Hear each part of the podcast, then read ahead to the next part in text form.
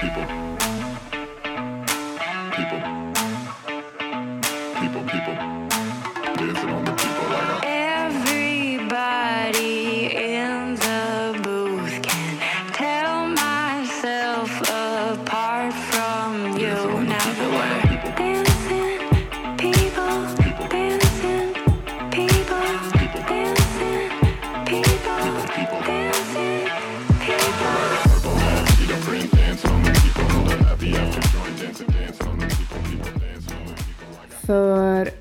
Ganska exakt ett år sedan, um, ehm, den här tiden, lite, lite före, um, nu är vi ju inne i mars, men ungefär kanske januari, uh, så gick jag runt med en eh, konstig magkänsla en ganska bra tid.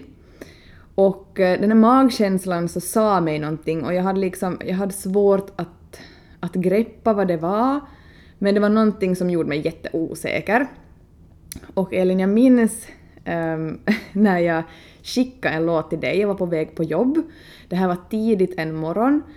Eh, jag hade en bra bit att köra på den tiden och ehm, Vi körde båda på riksåttan. Vi gjorde. på väg till samma by. vi gjorde.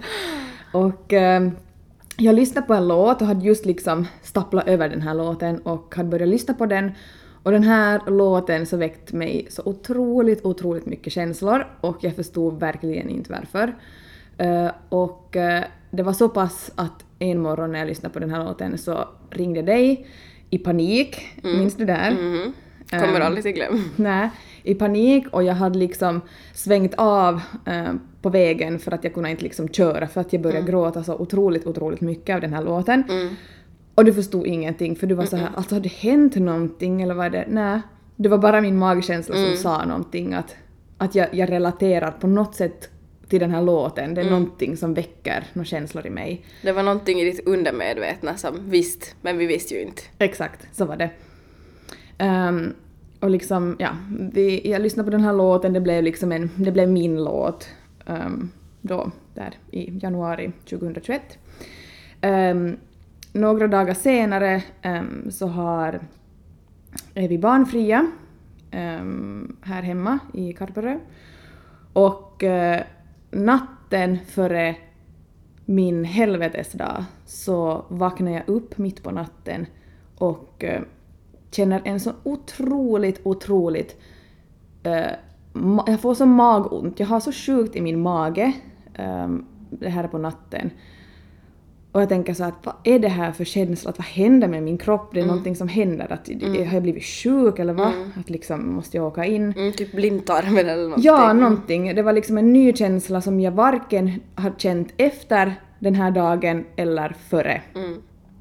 Ehm, och på tal om medium liksom, Mhm. det är såna gånger man känner att nu är det liksom, nu kommer någonting att hända dig och ehm, Det, det är liksom högre makter som signalerar att nu är det någonting på gång. nu är det någonting att typ så här vara beredd att Mm. nu kommer någonting hända dig. Och eh, det var nästa dag då som hela mitt liv blev liksom svart. Mm. alltid rätt sak Som alla andra Men sen drar du ett skämt och får dra det igen Och tänker det hade Alex fattat han gör allting rätt men när ni kollar på Friends så är det tyst där vi brukar skratta. Kanske blir vi vänner någon dag. Och jag kan vara glad att du är glad. För varför ska vi se på det med sorg? Bara för vi gick varsitt håll Om vi blev starkare Starkare?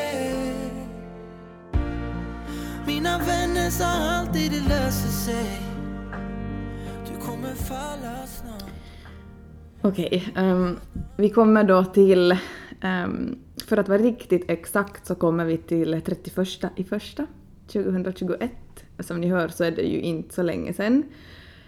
Och jag kan säga att jag har liksom, jag har skakig röst. Jag sa just att jag har mått så illa av liksom hela den här berättelsen förstås, att allting dras upp och så här. Det är, jätte, det är ganska färskt ännu förstås. Um, men uh, jag ska försöka få det som, till en helhet på så bra sätt som möjligt.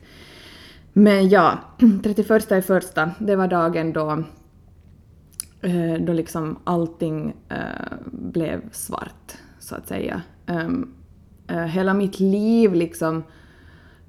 Jag hade ju allting under kontroll, så kändes det. Och, och, mm. och liksom hela mitt liv blev som på paus. Och det kändes som att jag... Mm, jag stod liksom med telefon i handen. Ni vet den där känslan då man, då man liksom står med telefon i handen och liksom bara skulle kunna släppa den av, av chock. Då man förstår som inte vad som händer. Och liksom känslan av att, att stå på någon matta och någon bara drar den undan, under dig och, och du faller pladask helt liksom helt medvetslöst på golvet på något sätt och man, man hänger liksom inte med. Och hela den här eh, dagen så bara fortsatt och eh, det var mycket förnekelse förstås i både eget huvud och, och det var jättemycket panikattacker som jag aldrig har upplevt förr. Um, och en, en sån jävla otrolig frustration att vem är jag? Vem är... Vad är mitt liv? Vem är de som jag har trott varit mig närmast? Um, allt liksom, allting blev väldigt sådär diffust och eh, man kände sig väldigt, man kände sig på något sätt tappad som människa och liksom kände som att hela mitt liv har varit en lögn. Um, efter en lång, lång, lång kväll med hela allt det här som jag berättade så gick jag och sov till slut med rödsprängda ögon och förståelsen av så här att hur livet kommer att se ut nu efteråt. Och typ det värsta minnet jag har så var när jag vaknade på natten då. Klockan var typ 05 på natten och jag hade pratat med dig typ, ja säkert till två, tre på natten, vi hade kanske sovit två timmar. Och så ringde jag dig klockan ja, fem på natten och tänkte att du kommer säkert inte kanske svara, att förstås alla sover. Men eh, du svarade direkt. Och och det var det... Um, det är sådär, man behöver inte säga så mycket utan vi båda var jättetysta. Och vi bara grät i varsin ända. Och, och, och vi båda var tysta och bara tänkte att vi vet hur, nu, nu vet vi hur det kommer att se ut för mig. Um, hur det, vad som har hänt. Vi förstod vad som har hänt. Vi förstod och vi hade varit sådär, vi hade också levt sådär. Det var en förnekelse och man vill ju absolut inte tro på allting men Alltså det var en sån chock så att det, vi, vi behövde smälta under natten, tror jag. så var det. Ehm, och vi var bara tysta och, och, och men jag minns också du sa då Elin att du vet, du vet, du vet ju vad som händer nu Julia. Och jag minns att jag tänkte att ja. Och det var liksom under de få korta timmarna på natten precis som du sa som man känner att nu vet jag vad som kommer hända. Ehm, och det var liksom då hela processen började. Det var liksom då alla plåster blev borttagna och jag var sådär att nu, Nu faller du hejdlöst. jepp. Berätta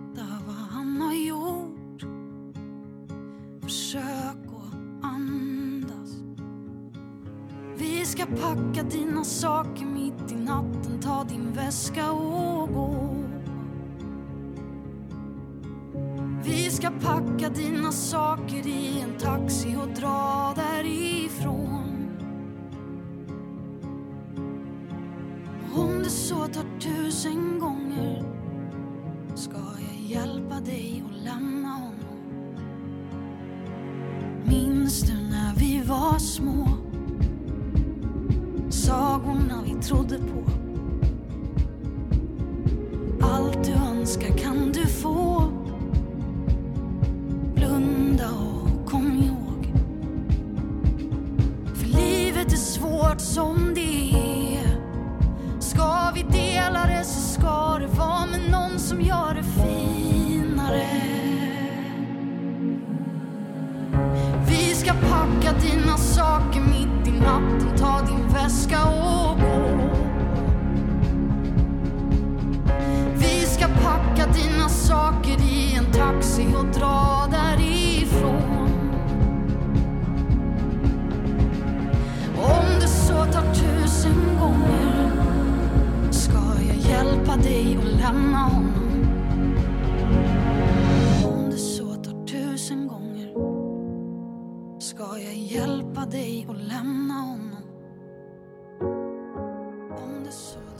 Det var alltså den här dagen då som en liksom, del av mig, om inte hela av mig, försvann. Och eh, det är ju inte konstigt med tanke på att eh, eh, svek är det värsta man kan vara med om som människa. Och speciellt av någon som man älskar mest på hela jorden. Och det är ju liksom... Det är ju därför också allt, hela liksom situationen blir som så Eh, en förnekelse på något sätt att det, det kan liksom, det finns inte en chans att det, det här är sant. Och därför tror jag också att, eh, jag minns att du Elin också bland annat eh, försökt hämta mig den där kvällen när liksom allting började. Ehm, men det gick liksom inte för att jag hade ändå fast, fast man har liksom allt svart på vitt så är det ändå en sån där en reaktion man tänker nej absolut inte det här, det här, det här händer inte liksom det här Va- är ingenting. Du väntar typ på att, att få det bekräftat att nej men det, det var alltså en förklaring på någonting Mm. det inte fanns en förklaring på. Exakt. Ehm, och det är det, det, det, liksom det, det svek som känns som en, liksom en, en, en kniv i magen som man, man absolut inte vill ha. Och man vet att om jag, som, om jag erkänner det för mig själv så det är den känslan jag kommer att känna. Och det är liksom den värsta känslan. Och man tänker ju på så mycket, man tänker ju inte bara på sig själv utan man tänker ju på allting runt om. Man tänker ju på eh, liksom vänner, man tänker på familj, man tänker på Materiella då- saker, materiella saker man tänker på speciellt på sin dotter, alltså barn. Eh, Och sådär, man tänker på sig själv förstås sådär att hur, hur kommer jag att må, hur kommer jag gå tillväga, hur kommer jag klara mig? Alltså det, det, Kommer jag överleva? Alltså exakt, det finns så mycket, otroligt mycket tankar som kommer upp i ens huvud som man aldrig någonsin har tänkt förr. Och det är de som är läskiga. För man har liksom ingen kontroll över dem eftersom man är, man är liksom i, ett, eh, i en dimma. Och som jag uppfattar dig så då, där och då så det, det är ju lä- lättare, eller det som typ första hjälpen att lite leva i förnekelse för det är för mycket att förstå allt på en och Så samma gång. Så är det, exakt så är det. Och därför gjorde mina två timmar, liksom nästan icke-existerande sömn, allt för mig. Att bara liksom få eh, i mitt stilla sinne liksom lugna mig och eh, försöka förstå.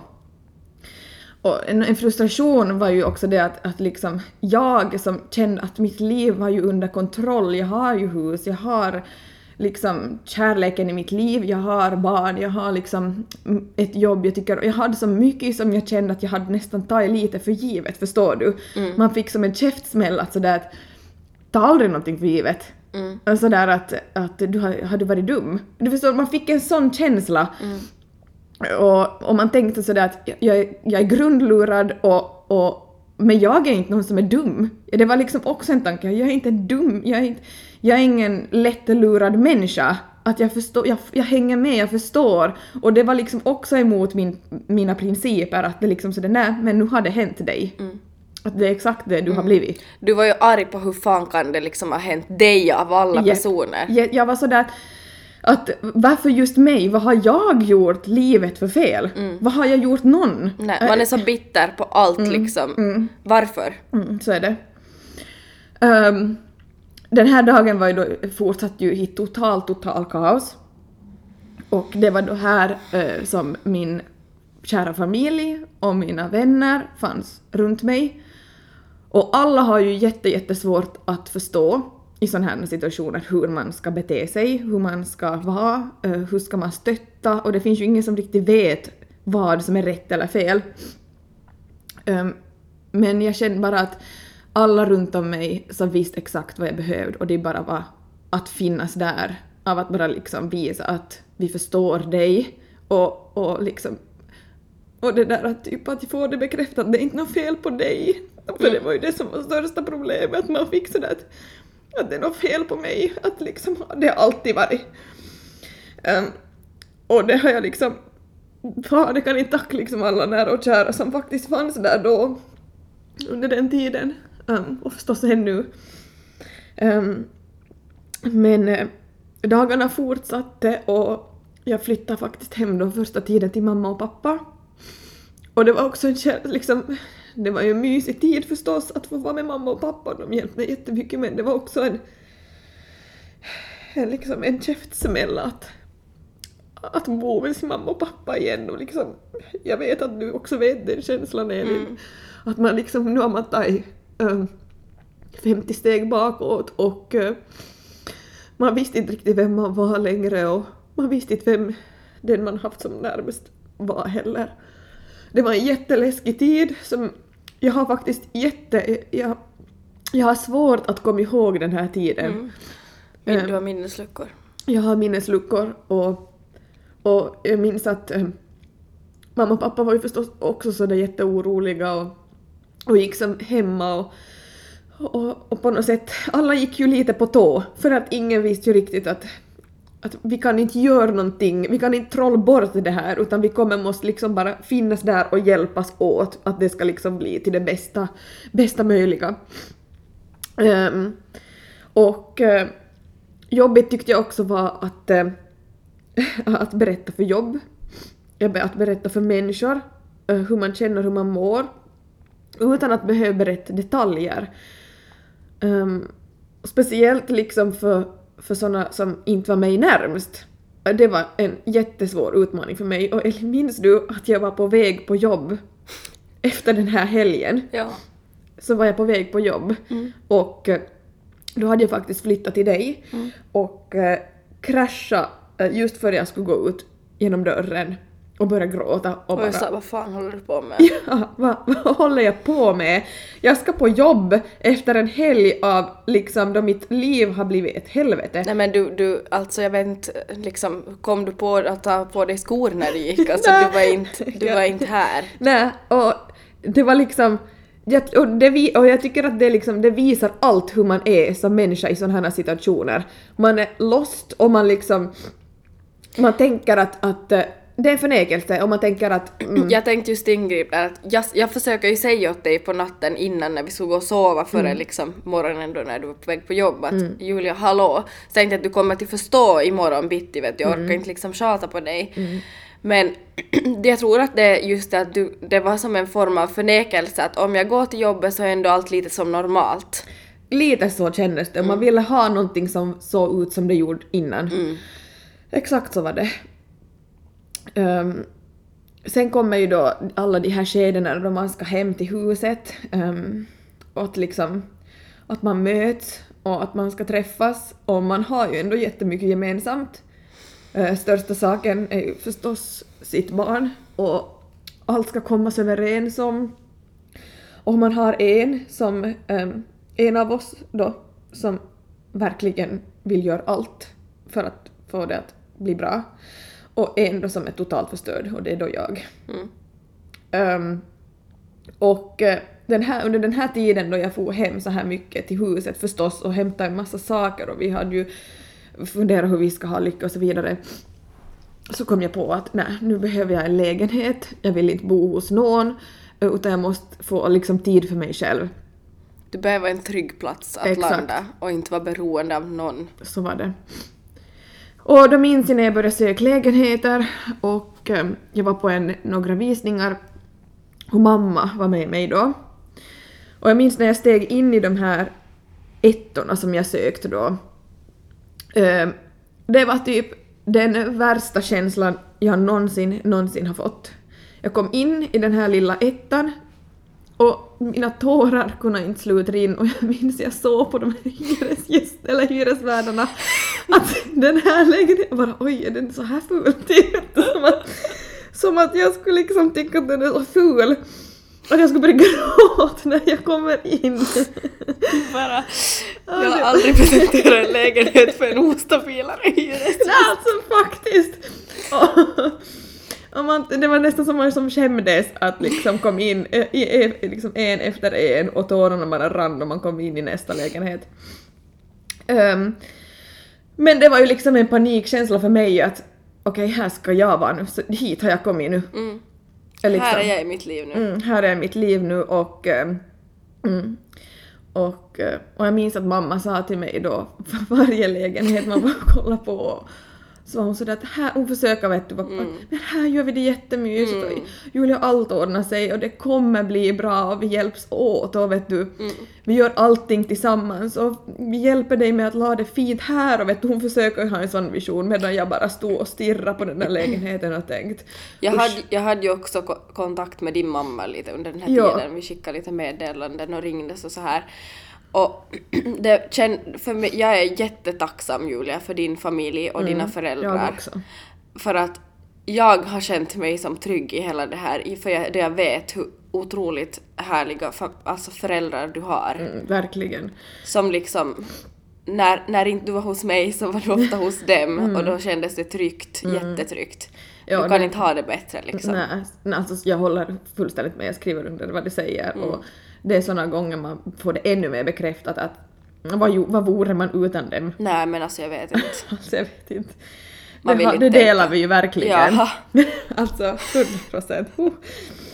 Um, um, sen det knäppa var det kanske att eh, när jag skulle flytta mm, så var jag, flyttade jag ju förstås in själv, för jag menar sängar och soffor skulle flyttas upp och så här och, och det blev en ganska så här snabb flytt för jag tog sen en lägenhet där det skulle flyttas in direkt och då hade jag inte så många nära och kära på plats runt om här i Vasa just då.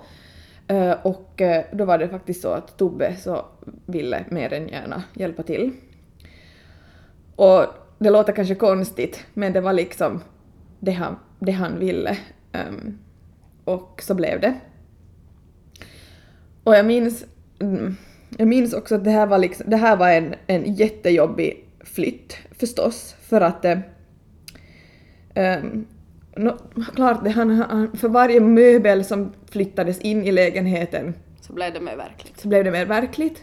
Det blev mer ett hem och eh, för varje möbel som kom in grät man bara desto mera. Eh, um, och jag minns en av värsta minnena också var um, när flytten var klar och Tobbe och Lykke skulle åka hem till huset och jag skulle lämna då i mitt nya hem i min etta. Och jag minns, det var ett jättehjärtkärande, eller som hjärtkärande moment, för jag och Tobias vi tittade som på varann och grät. Och liksom ingen sa så mycket, vi bara grät och grät och kollade på varann och tänkte såhär, vart fan har vi hamnat? Vad håller vi på med? Um, och Lycke var ju med oss där, där i min etta då, och de skulle få hem och till sist så, så åker de ju därifrån. Och jag minns att det var liksom, det var då det blev liksom eh, jättesvart och vitt att, att nu bor jag själv och jag får inte se min dotter varje dag, vilket var typ en av de absolut jobbigaste jag har varit med om, att inte få se henne. Och det var som att en till del av mig försvann, liksom min enda trygga punkt som var ju då min dotter och liksom att inte heller kunna ha henne hela tiden utan att vi också måste börja dela på henne. Och jag minns då de for därifrån lägenheten och Lycke ropar alltså, mamma, nej mamma på vägen ut. Och Tobias gråter och jag gråter och så far de därifrån och jag minns hur jag slänger mig på golvet och bara ligger där. Och jag är sådär, jag har typ ingen glädje i livet kvar. Jag minns jag låg länge där och kände Alltså typ sådär att jag har ingenting kvar, att allt har tagits ifrån mig. Så där överlag efter en tid när jag hade gett det en chans så blev ju lägenheten för mig ett, eh, ett safe place där jag liksom alltid fick känna mig trygg, jag fick alltid liksom känna att eh, här får jag gråt, för jag grät varenda gång jag kom dit så kändes det som att jag släppt ut på någon, alltså någonting kom ut alltid. och det var inte någonting i- i WC-byttan eller någon plätt på marken. Utan det var, det var liksom gråten som kom ut varje gång och liksom jag fick alltid något, jag fick alltid lätta på liksom hjärtat för mig själv. Du hade alltid jätteångest när du skulle dit för du visste att nu kommer du till bryt ihop igen. Mm. Medan jag var jätte på dig att du måste fara och bryta ihop. Jepp, så var det. Eh, och det var liksom, för man, man, jag visste, det, kom, det blev så påtagligt hur mitt liv såg ut varje gång jag kom dit, så visste jag att, att eh, det här är min verklighet nu, att du kan Det var en reality check. Ja, så att slut blund för det nästan. Ehm, och när jag liksom gav det någon, en typ, redan bara var där en natt så kände jag att redan nästa morgon så var det liksom, såg jag det med ljusare ögon att jag var där. Um, och dock var jag ju ändå en del också av huset förstås, eh, för att eh, här hade vi ju liksom mycket annat och så jag var också här en, en stor del. Ehm, Du bodde ju på två ställen. jag bodde ju liksom på två ställen då en ganska bra tid ehm, i princip. Några ett halvår. Ett halvår. Mm. Ehm, sen kommer den här konstiga tiden, jag vet inte vad man ska kalla det för tid. Men Nej, vet du inte heller. Nej, vet Det är väldigt känner- oklart. Den är väldigt oklar. Och alltså jag känner att det var en sån tid då jag kände bara att, att eh, nu ska jag bli, att jag måste bli stark. Och det var en, liksom en konstig tid som man liksom eh, Alltså man mådde så dåligt så att liksom jag måste vara så stark i mig själv så att jag liksom klarar alla hinder som kommer emot mig. Och, och jag ville också vara stark för ifall liksom någonting igen skulle hända mig så skulle jag som stå på bara egna ben. Jag ville inte vara beroende av någon, jag ville inte liksom lita på någon och liksom all min tillit hade farit för allt och alla och liksom det var så nej, det finns bara jag och det finns bara jag som kan stå upp för mig själv. Om jag får säga så var det en tid, alltså du var, du var traumatiserad och du var i survival mode. Exakt så var det. Och det är den här tiden som, som de som inte kände mig, som har uppfattat mig som att jag har varit väldigt stark och har sagt åt mig att oj, att, att du ser ut till att börja må så mycket Ja. bättre och, och att du, har blivit, du ser starkare ut än någonsin. Jag Mm. kan bara säga skenet bedrar. Verkligen. För så Det var det skriver verkligen. under det. Mm. Japp. Det var ju liksom en coping-strategi för att det skulle liksom, för att jag skulle överhuvudtaget stå Överlev, på mina ben. ja. Exakt. Och det här var ju liksom, man kan ju lura sig, jag känner så igen mig men men just som du gjorde och jag har också gjort vid liknande situationer att man liksom, jag minns du får på spraytan, du fixade, du var Ja. så utåt sett var du så jäkla snygg vet du och vet Mm. du riktigt så, man gjorde man kunde. Exakt. För att liksom någonstans känna sig okej. Mm. Alltså det var liksom, det var, det var liksom den lättaste utvägen man kunde ta. Mm.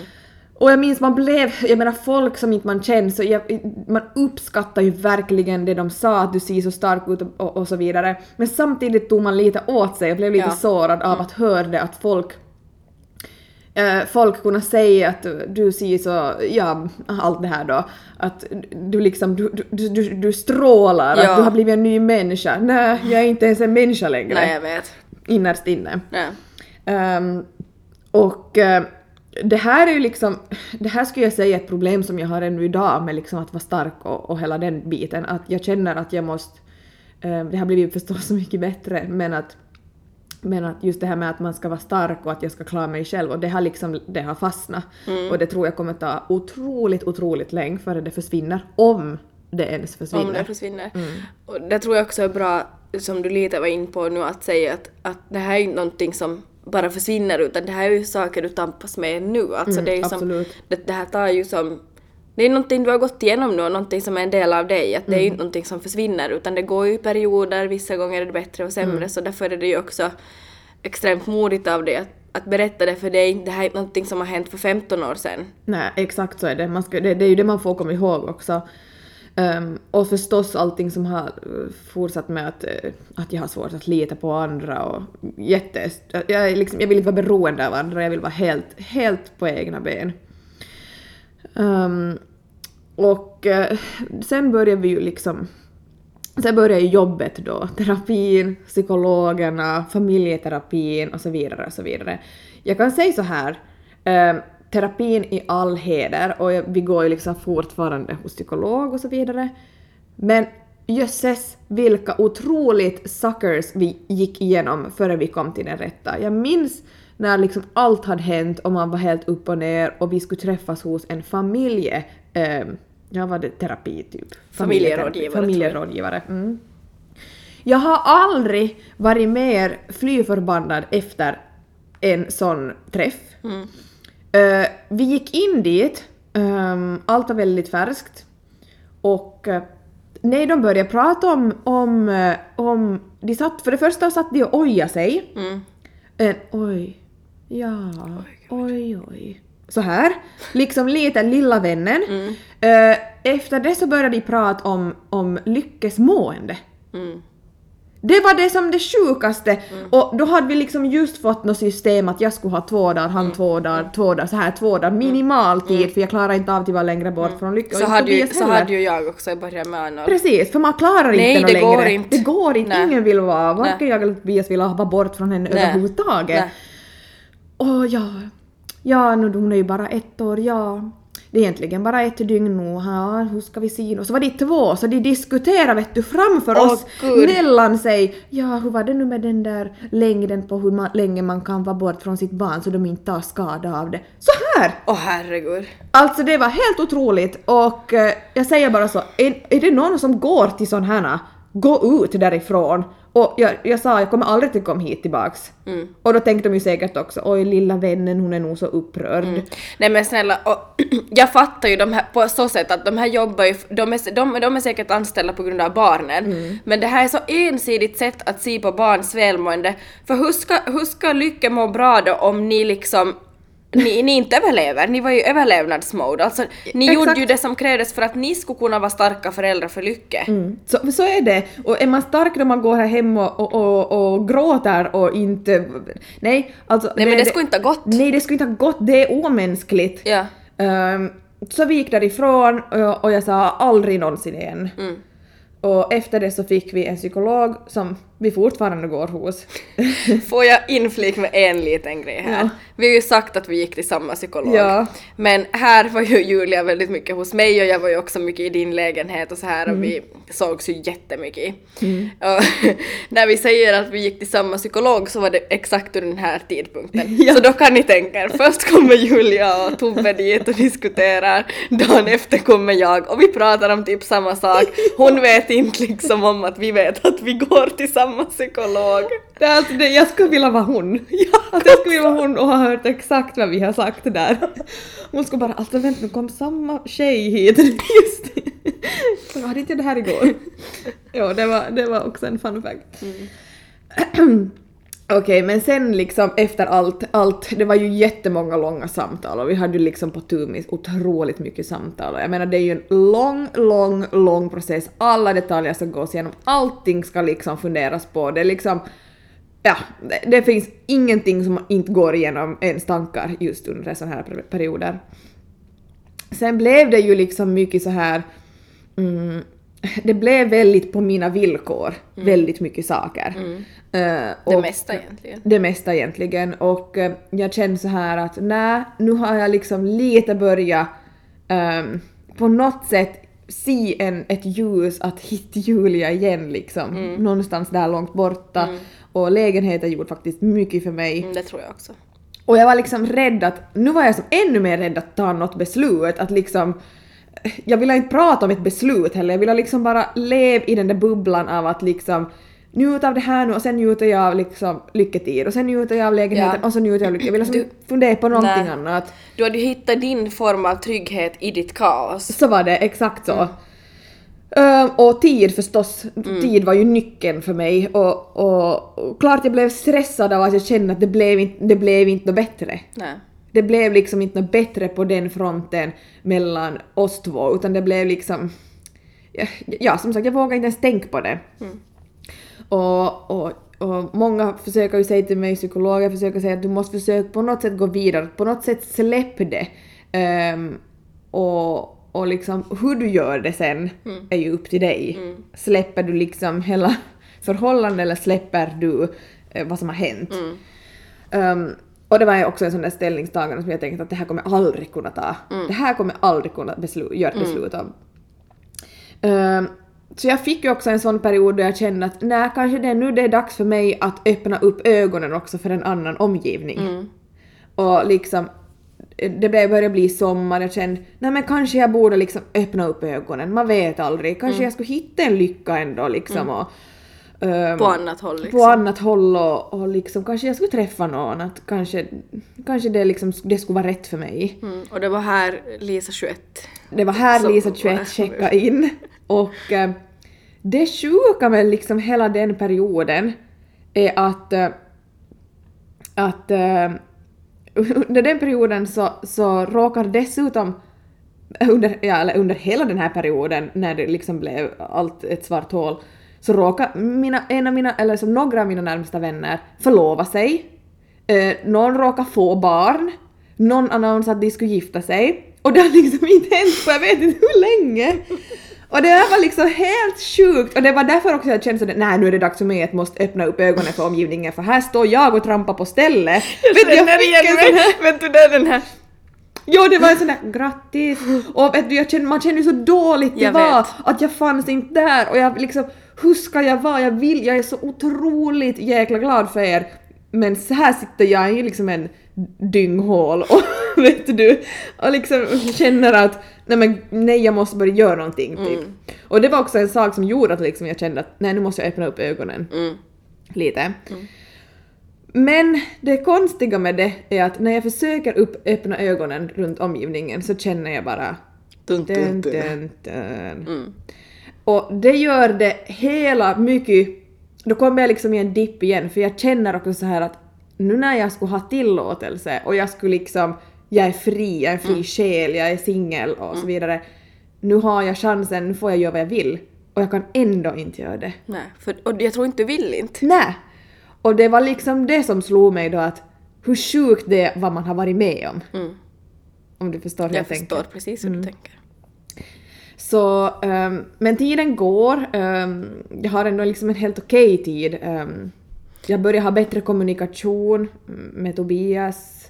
Du har, här hade du ändå någon form av balans, ni kunde diskutera och sen kunde du och jag liksom, vi hade ju någon sjuk kväll där. Ja, vi hade, vi hade Polisen kom på vår efterfest. Vi hade ju ändå en extremt liksom, rolig tid Mm. som vägde upp väldigt mycket av liksom gråa, gråa, mörka dagar. Så började jag ändå se lite ljuset i tunneln. Eh, men jag, blev, jag började också bli lite rädd för jag började känna hur mycket jag drogs tillbaks. Jag vet.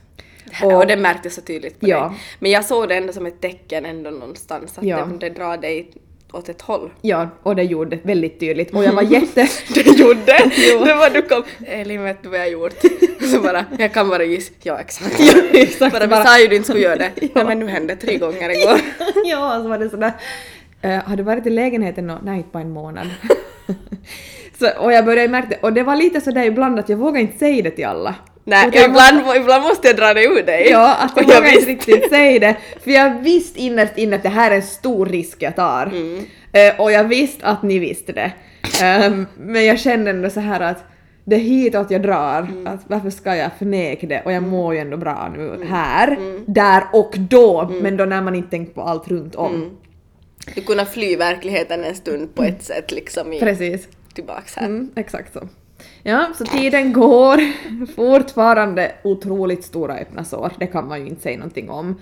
Och mående svajar och jag vet ju fortfarande inte vad jag vill göra. Nej, Absolut inte. nej du var nog lite Ja, verkligen. Och, och fast jag mår bra där och då så känner jag ändå så att, att liksom det enda jag kan tänka är att jag aldrig skulle få acceptera något sånt här. Nej. Att jag har någon gång sagt till mig själv att det här skulle jag aldrig få gå med på om Nej. någon gör någonting sånt här mot mig så skulle jag aldrig få gå med på det. Ehm, samtidigt som jag känner att det finns en stor helhet som spelar roll. Ehm, och jag vet att jag har mått så bra liksom, i livet före allting hände. Mm. Och det är ju det som drar mig tillbaks och liksom hela den biten. Det är ju här också, jag har lite ändrat synsätt till en viss del för att det är inte så svartvitt som man har tänkt innan. Nej. Man ska aldrig uttala sig om någonting man inte har varit med om. Exakt, 100 procent så är det. Ehm, och det, har jag det är ju precis det jag har gjort någon gång och sagt det skulle jag aldrig gå med på. Ehm, men här stod jag och här står jag ännu och liksom ehm, ja, nej, det, det, det fanns inget alternativ för mig efter en tid och jag, jag bara drogs tillbaka och det fanns inget annat jag tänkt på än och typ så här önska än att typ sådär vet du hit tillbaka och typ hela den, hela den biten. Och typ sådär ett liv, det, var, det fanns ett liv före allt det här hände som jag absolut inte vill leva utan. Nej.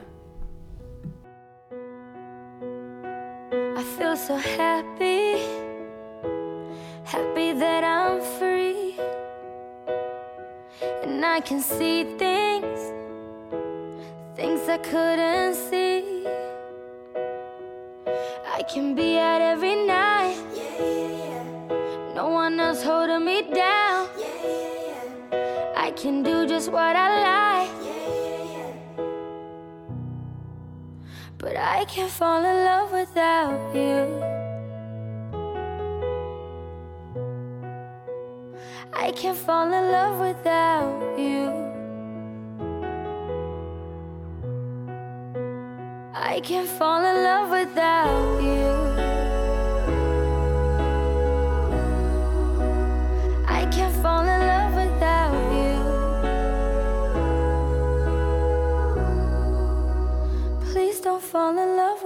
love.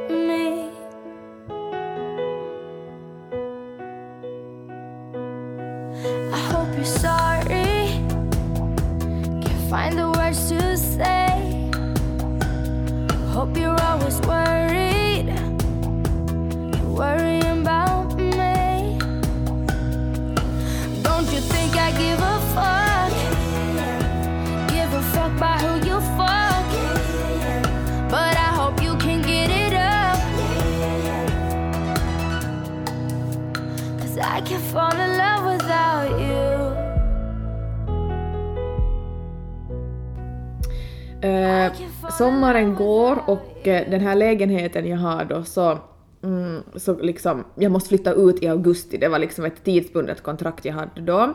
Och det har jag i bakhuvudet ganska ofta, minns vi har, jag pratar om det ganska ofta, vad händer efter det? Det var liksom Det var liksom ett datum på att här måste du ta ett beslut. Exakt så, och jag vet att det var så många familj och vänner som sa du behöver inte ta ett beslut då.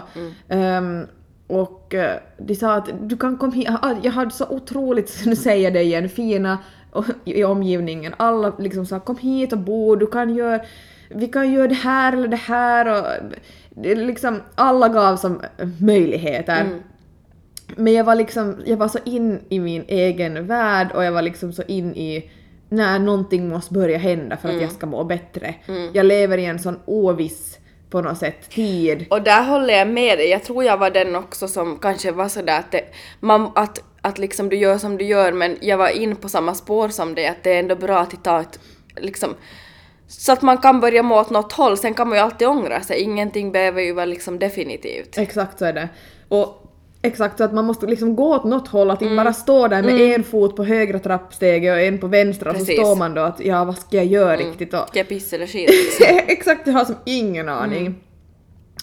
Ehm, så jag tar det beslutet när, i augusti när ehm, allt, eh, när jag ska flytta ut, att jag flyttar hem till huset igen. Och alla känner sig säkert att åh vad fint. Nej, det var ångest. Jag var jätterädd. Alltså jag var otroligt, otroligt rädd av att flytta hem. Det var liksom, det kom 15 klumpar i magen igen och kände att åh gud, hur ska det här gå? Ehm, nu är det inte bara så att när jag mår dåligt, för jag menar vi hade haft så många ups and downs under hela den här sommaren, hela perioden jag bodde i lägenheten och då kunde jag alltid liksom känna att men jag har få fart i lägenheten, jag får lite fly. Och jag får liksom komma bort från verkligheten nu som då. Och nu kändes det som att nu kan jag inte göra det Nej, mera. vart ska du fly nu? Exakt vart ska jag ta vägen om, om eller när det kommer en sån här period igen. Ehm, men jag känner samtidigt att, att jag mådde så bra eh, de stunderna jag, jag var med Tobias. Vi hade jobbat väldigt mycket tillsammans och med psykolog och så vidare. Ehm, så jag känner att jag tänker ge det en chans, men jag vågar ändå inte tro på någonting. Ehm, och eh, det var en jobbig tid och jag har grät och grät och grät och jag hade sista eh, lasset med saker från lägenheten och visste att jag skulle stänga dörren nu för alltid. Det var liksom till stäng av en ännu en trygghet för mig. Ehm, och jag kände sådär att åh, ja. Ehm, så det var en jobbig tid, ehm, men Tobias var förstås aldrig sett honom mer glad och tacksam. Ehm, och ehm, nu känner jag ändå att, att jag vill se sådär ett, ett ljus och ett hopp för framtiden. Eh, men jag vet också att det kommer att vara en jävligt kämpig tid. En ganska bra tid, tror jag. Och det kommer vara också mycket test. Um, vilket det redan har varit.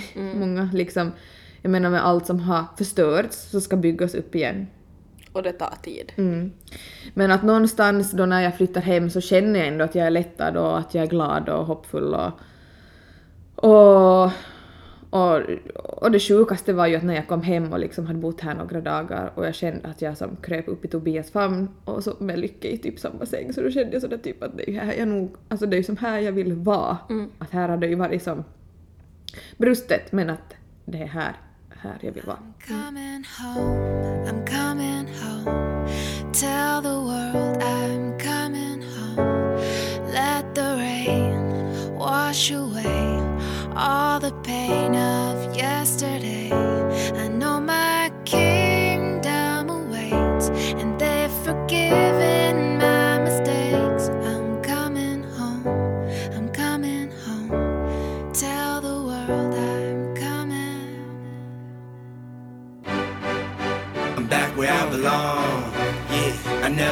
so strong. Hey, I'm back. I'm feeling like there's nothing I can't try. And if you with me, put your hands high. Put your hands high. You ever lost a life before?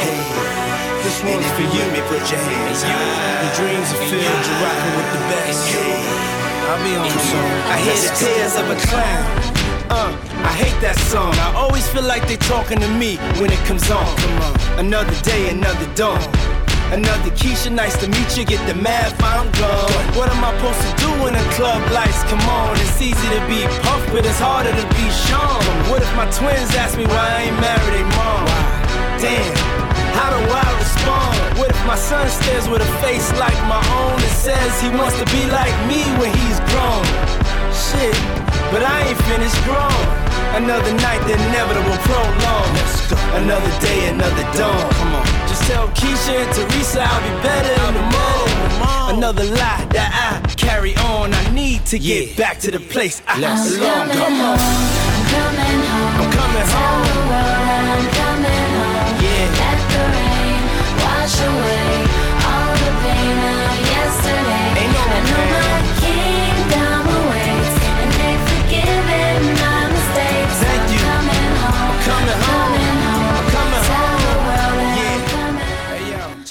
Så här som sista skede som jag kom in i sen så var ju en extrem eh, trötthet och eh, jag trodde once again då att eh, det är någonting fel på mig. Vad har hänt nu? Nu har ju liksom jättemycket rädd upp sig. Vi har jobbat jättemycket kring jättemycket saker. Jag börjar känna mig Glädjen börjar komma lite tillbaks. Eh, mycket delar av mig som föll bort hittar jag tillbaks till. Men jag är så sjukt trött. ehm, och eh, det börjar liksom bli nästan ett problem för mig att jag blir liksom sur och arg och, och liksom orkar inte göra vardagliga saker. Och eh, jag tar upp det här då med vår psykolog och eh, som du säger att det här är ett väldigt, väldigt vanligt skede och jag tänker att det är säkert också jättebra att många vet om det här. Jättebra. Ehm, att eh, oavsett kris, vilken kris man nu går igenom, ehm, så under krisen så kommer man just i den där starka fasen som jag också berättade om då, att jag liksom känner mig väldigt stark och, och försöker vara liksom stark utåt och hela den här biten. Och just det här försvara, att man försvarar sig mycket själv och att man liksom, eh, ja, man ska vara en stark människa. Om man ska liksom överleva. en krisen. överlevnadsfas liksom. Ehm, men någonstans, eh, man, liksom, man lever på adrenalin någonstans och det liksom, det håller en vaken. Ehm, men sen eh, när liksom allting lägger sig och det börjar bli till det normala och man börjar slappna av och man inte behöver ha den här liksom försvaret utåt mera så blir man trött ehm, och man, kroppen liksom slappnar av och eh, är trött efter en liksom försvarsperiod på något sätt. Ehm, och det var precis vad som hände mig. Och jag var helt slut. Ehm, och många tänkte att jag är fortfarande väldigt uh, ledsen på något sätt. Eller, men det var liksom en, en trötthet jag fick. Eh, och det var ju också läskigt, för då tänker Ja. man men alltså, va? När ska, någon så här, när ska det som sluta? Ja. När slutar den här spiralen Ja, då? så den här, vad får jag efter tröttheten då? Ja, det är nästa. ja. Ehm, och, eh, men den har ju blivit redan mycket bättre Mm. och den är nästan borta. Men eh, det var skönt att få ett svar. Ja. Att då också få, aha, det är väldigt normalt Mm. och det är någonting man absolut inte har visst om att så fungerar det. Det är därför alltså vi båda uppmanar folk som går igenom kriser eller annars bara upplever att det är tungt att gå och prata med ett proffs. Man kan spekulera i all evighet om varför man mår som man mår men sanningen är att vi kan inte veta. Det finns svar men man behöver hjälp av de som är liksom professionella. Mm, verkligen, så är det. Jag håller med. Ehm, men eh, jag tänker hoppa till liksom hur det ser ut idag, dagens läge. Jag ljuger om jag skulle säga att allting är en dans på rosor. Ehm, och, eh, men jag tror eh, verkligen att jag vet, eller jag säger så här, jag vet att jag är på rätt ställe i livet och i hjärtat. Och jag menar, vi har kämpat, vi har jobbat ihop, vi har byggt upp någonting som var totalt trasigt egentligen. Och jag hoppas jag har rätt, eh, men det kommer ännu vara svår, svår väg att liksom nå tillbaka. eh, och speciellt till liksom mina höga framtidsdrömmar som jag trodde var väldigt nära mig på något sätt, som hade förstås eh, skjutits längre fram. Men eh, jag känner också så här att, att det är den minsta, minsta problemet man har just nu.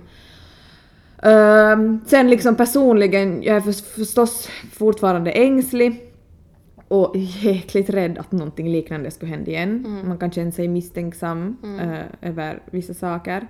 Um, självförtroende är nog någonting att, att man Det måste jobba väldigt, väldigt hårt och det, liksom, det var nog på minuskonto eh, när allting hände. Jag har nog aldrig haft så dåligt självförtroende. Det tyckte jag var jättejobbigt som... eller det kanske jag märkt jättetydligt på dig så att säga att, att du är som en så... Vad ska man säga? Inte en osjälvsäker kvinna utan du var ju som, alltså innan liksom krisen, att, att eh, jag såg ju upp till dig liksom för att du var som så modig och vågade liksom visa fram dina fötter och sådär men men i- ma, i, alltså, det är tungt att se hur du bröts ner Ja. och hur du ännu är Ja, så är det. ganska, ganska Nedbruten. Ja. Och det tror jag kommer ta länge att bygga upp igen. Um, Men det är där jag liksom har varit arg och frustrerad över Ja. att, det ska, att, Ja, ja. att det fick hända dig. Mm, verkligen. Jag har själv också, det är faktiskt en sak jag också har som tänkt på många gånger, hur det ens liksom är möjligt. Um, och det är jäkligt tragiskt alltså, verkligen. Um, eh, sen känner jag också så att jag kan ha svårt att ta emot kärleken nu och känner också så att hjärtat kan vara ganska slutet. Um, men jag känner ändå att det, bit för bit så öppnas det upp. Och jag känner av att det öppnas upp för jag blir liksom glad när jag märker att det börjar öppnas upp. Ehm, och sen är det ju också, allt handlar om att lita på mig själv och att jobb på mig själv också. Eh, att man inte glömmer den biten.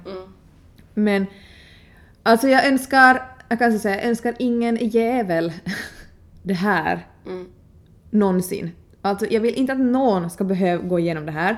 Men tyvärr är det här någonting som, nu tänker jag dra nu tänker jag säga det, speciellt kvinnor upplever. Och jag blir förbannad av den tanken. Och det var någonting som var en ögonöppnare för mig när jag pratade med många andra eh, kvinnor, eh, vänner, bekanta. Hur många som, som hörde av sig till mig, hur många som jag diskuterade med som hade gått igenom exakt samma sak. Och det var liksom en käftsmäll för mig. Och jag blev liksom bara mer arg av att bara få veta det, att det är så otroligt vanligt. Och jag blir, alltså jag spyr av den tanken av att det är en vanlig grej. Eh, och jag hoppas att det blir en förändring på det. Alltså verkligen. Jag vill se ett alltså, ljusare, eh, en ljusare värld för, de, för barnen som växer upp idag. Verkligen. Alltså ingen ska gå igenom det här. Nej. Så är det bara. Ehm, men ja, men... eh, eh, jag älskar att vara hemma nu. Det tog en stund. Men nu tycker jag jag älskar att vara hemma. Jag älskar vad familjeliv, jag älskar allt vad det innebär. Och i det liksom jag, det har varit Julia i grunden. Och jag känner bara sådär, åh herregud vad långt vi har kommit nu. Nu känner jag så här att nu är det, nu är det no turning back. Ehm, och jag har liksom, jag måste bara liksom kunna förlåta, och det har min psykolog sagt, man måste förlåta. För fast att bara säga de orden eh, som så liksom gör så gott för en själv. Det gör mera för dig än för personen. Verkligen. Jag måste förlåta och, och gå vidare. Ehm, och, eh, och jag hoppas att livet vi hade före allt eh, det här så kommer att komma tillbaks. Ehm, och ja, vi är ju nog faktiskt närmare för varje dag. Och, och största önskan är ju nog så här att våga och våga öppna, öppna upp som till 100 procent. Och jag menar nu funderar vi ju liksom på framtid, nu har jag ändå framtidshopp, jag har mina drömmar, de, jag menar smygönskar någonstans, förlovning, mera barn. Och det känns som att det kommer att ske och det kommer att komma tillbaks. Och det känns helt otroligt med tanke på att förra sommaren så satt jag liksom själv. Ingen Det är sådär att det kanske känns som att ett år liksom av det här nu kanske delvis känns lång tid. Mm. Samtidigt som man kan tänka, tänk vad mycket som har ändrats på det här ena året och som vart, vart du står nu igen. Verkligen. Mm. Att det ger ju en, en framtidshopp och tro. Det gör det. Jo. Och eh, jag kan säga, jag vet inte riktigt hur jag ska formulera mig, men i det här så har jag ju alltid sagt att jag har eh, stöttat dig oavsett val eller liksom humör eller liksom försöka som visa dig att vad du än säger så är det okej för mig liksom att det, det är dina val och jag stött, stöttar dig oavsett. Men det är som utomstående ändå någonstans från din eh, familjesituation och relation eh, är ju att jag märker ju att du är en är bättre person, alltså du är en gladare person när du, har, när du liksom är hemma och när du får vara här. Att nu har jag ju ändå sitt båda två. Och då, då märker jag också att jag, jag är ju också övertygad om att du, du har tagit liksom rätt beslut och rätt val och lyssnat på dig själv och gått liksom in i dig själv och funderat. Jag blir jätteglad av att höra det. För det är ju någonting som man inte märker när man är i det själv. Så det var, en, det var liksom en, det var en fin sak att höra.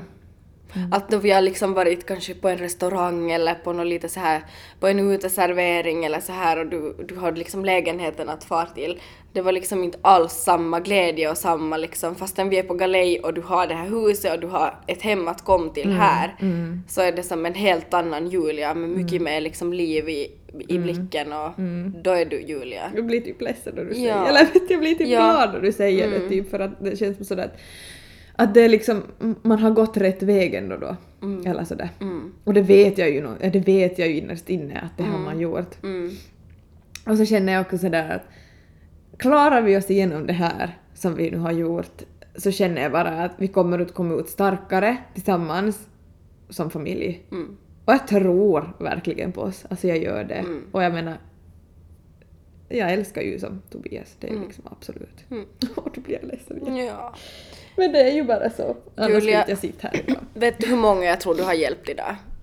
Jag hoppas det. Mm. Och jag hoppas att eh, folk vet att man är inte ensam. Och jag hoppas att folk vet att man ska alltid ta hjälp. Och eh, det kommer någon gång att bli bra, bättre. Mm. Det kommer bli bättre. Och sen kommer det att bli bra. Ja, och hur klyschigt det än låter, tid Mm. och att ta hjälp. Och sen kom jag på en sak här nu. Vi Mm. har ändå en väldigt stor lyssnarskala, det vill jag unders- understryka. Att ehm, ni får jättegärna skriva in och skriva Mm. åt Julia och så här. Men vi vill inte att någon lägger sig i någon familjesituation eller att några spekulationer ska sättas igång. Tro mig, det här liksom har Julia och jag och hennes familj och hennes nära liksom, det, det behöver in, ingen liksom lägga sig Mm. i. Däremot får man jättegärna skriva in och dela med sig och Absolut. skicka och diskutera. Men, Mm. men privata angelägenheter och sånt liksom som vi inte har sagt högt här så det behöver ingen heller spekulera i. Nej, exakt, det var jättebra sagt.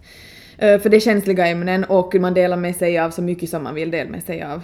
Ehm, och resten är Mm. Och det hoppas jag att folk ska respektera nu. verkligen. Och det här är en sån sak som jag alltid kommer finnas med mig. Jag kommer, jag kommer att eh, förlåta men jag kommer aldrig glömma. Mm. Och, och, men jag vill inte heller att det ska påverka hela mitt liv Nej, framöver. nej. Det här är en sak jag vill kolla kom till, koll tillbaks på och tänk usch vad jobbig tid men tänk hur vi har det nu. Mm. Och att du tacksam. blev ändå en starkare kvinna någonstans av det. Verkligen, jag blev det. Mm. Och eh, någonstans har jag börjat, som jag sa, jag tar inte saker för givet. Mm. Jag försöker uppskatta små saker och det tycker jag faktiskt att så har det blivit. Mm. Och mm, jag är faktiskt jättetacksam över var jag står nu och Mm. Vet du över vad? det liv jag har. Det är jag också.